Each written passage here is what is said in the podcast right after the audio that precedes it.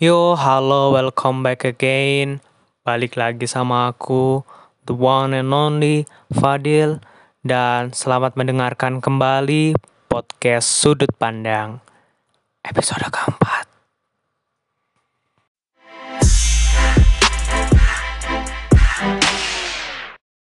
Oke, jadi setelah minggu kemarin nih, teman-teman, kita udah ngomongin soal partai politik kan ya. Udah kita kupas tuntas tuh, mulai dari pengertiannya apa, strukturnya bagaimana, terus fungsinya seperti apa. Nah, masih inget gak nih teman-teman yang kita omongin minggu lalu? Harus inget dong ya. Nah, sekarang nih kita bakal bahas yang namanya lembaga sampiran negara atau State Auxiliary Agencies nih teman-teman. Mungkin sedikit flashback ke belakang nih ya. Pasca reformasi 1998 ini melahirkan beberapa lembaga independen atau State Auxiliary Study ini. Nah, lembaga-lembaga tersebut berfungsi sebagai penunjang, pendukung, atau supporting organ bagi lembaga-lembaga negara utama sebagai prinsipal atau main organ. Lahirnya State Auxiliary Agency Study ini lebih disebabkan karena tingginya kecurigaan publik waktu itu terhadap negara, di mana lembaga negara ini dinilai masih belum berfungsi secara maksimal, utamanya dalam mendukung agenda reformasi waktu itu. Nah, tahu nggak sih teman-teman, sebelum adanya amandemen UUD 1945, ini masih dikenal istilah lembaga tinggi dan lembaga tertinggi negara, di mana lembaga tertinggi negara waktu itu adalah MPR RI, kemudian di bawahnya yaitu DPR, Presiden, BPK, dan DPA. Lalu setelah adanya amandemen UUD 1 1945 ini tidak lagi dikenal istilah lembaga tinggi dan lembaga tertinggi negara. MPR jajar dengan lembaga-lembaga negara lainnya, mulai dari MPR, DPR, Presiden, DPD, BPK, MA, MK, dan KY, di mana satu sama selain menjaga keseimbangan atau bisa atau istilah kerennya itu bisa kita sebut checks check and balance ya teman-teman. Adapun lembaga negara nih yang memiliki kewenangan atau otoritas yang bersifat independen atau mandiri, di antaranya yang dibentuk berdasarkan UUD 1945, seperti Komisi Pemilihan Umum atau KPU, Komisi Yudisial atau KY, Badan Pemeriksa Keuangan atau BPK, dan Bank Sentral. Lalu ada juga nih lembaga-lembaga independen lainnya yang dibentuk berdasarkan undang-undang, perpres, PP maupun kepres, seperti Komisi Pemberantasan Korupsi atau KPK, Komnas HAM, Ombudsman Republik Indonesia atau ORI, Pusat Pelaporan dan Analisis Transaksi Keuangan atau PPATK, Dewan Pers, Komisi Perlindungan Anak Indonesia atau KPAI, Komnas Perempuan, Komisi Penyiaran Indonesia atau KPI, dan lain-lain. Kemudian, apa sih ciri-ciri dari lembaga independen tersebut? Nah, di ciri-cirinya di antaranya yaitu adanya perlindungan atas pemberhentian, kemudian masa jabatannya yang terbilang terbatas, Lalu nih, strukturnya yang multi anggota dan rekrutmennya yang bersifat partisin, partisan dan berimbang. Juga memiliki wewenang ligitasi, memiliki hak atas anggaran, menyusun peraturan perundang-undangan, dan dengar pendapat atau konsultasi dengan DPR RI, serta memiliki wewenang adjudikasi.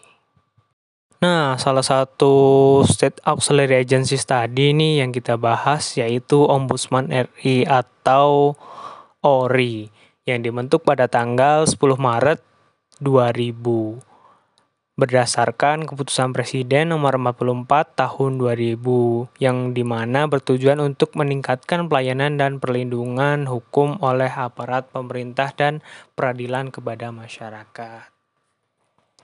Nah, ada beberapa hal nih yang melatar belakangi pembentukan Ombudsman Republik Indonesia itu sendiri. Antara lain, yang pertama adalah peran serta masyarakat dalam melakukan pengawasan akan lebih menjamin penyelenggaraan negara yang jujur, bersih, transparan, dan bebas dari KKN atau korupsi, kolusi, dan nepotisme.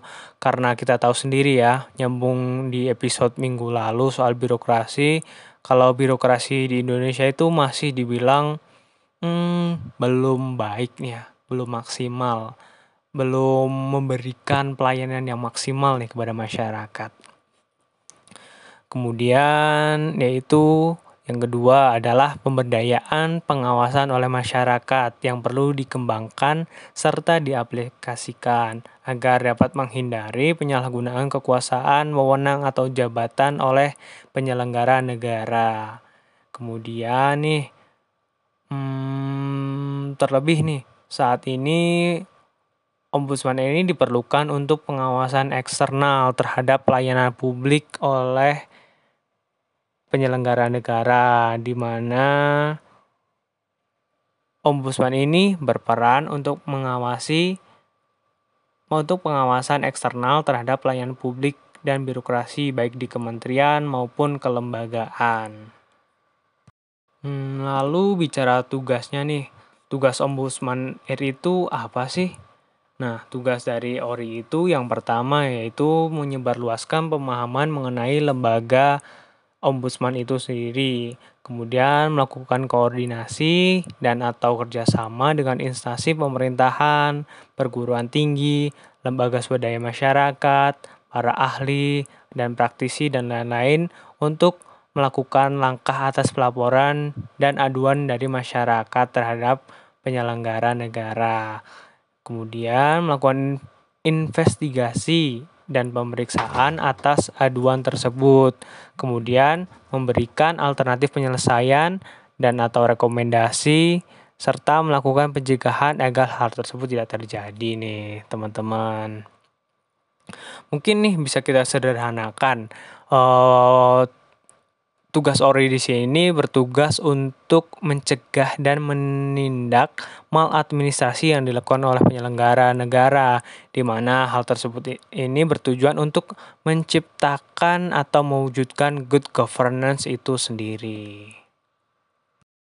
Nah, tugas dari Ombudsman ini udah tercantum dalam UU nomor 37 tahun 2008 tentang Ombudsman RI di mana Ombudsman adalah negara lemba eh di mana Ombudsman adalah lembaga negara yang berwenang mengawasi pelaksanaan pelayanan publikasi oleh seluruh kementerian atau lembaga termasuk BUMN atau BUMD serta badan swasta maupun perseorangan yang diberi tugas menyelenggarakan pelayanan publik tertentu yang sebagian atau seluruhnya seluruh dananya itu bersumber dari APBN dan APBD.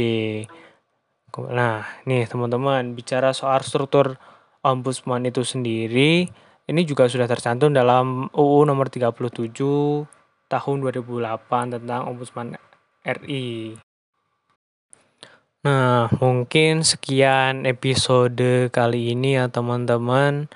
Uh, kita udah bahas banyak nih ya, mulai dari pengertian dari lembaga sampiran negara atau state auxiliary itu tadi, kemudian latar belakang munculnya kenapa, terus contohnya apa, di mana yang kita bahas adalah Ombudsman Republik Indonesia itu sendiri, kemudian strukturnya itu gimana, tugas tugasnya itu apa, dan tujuan dibentuknya itu apa. Nah, mungkin itu episode kali ini.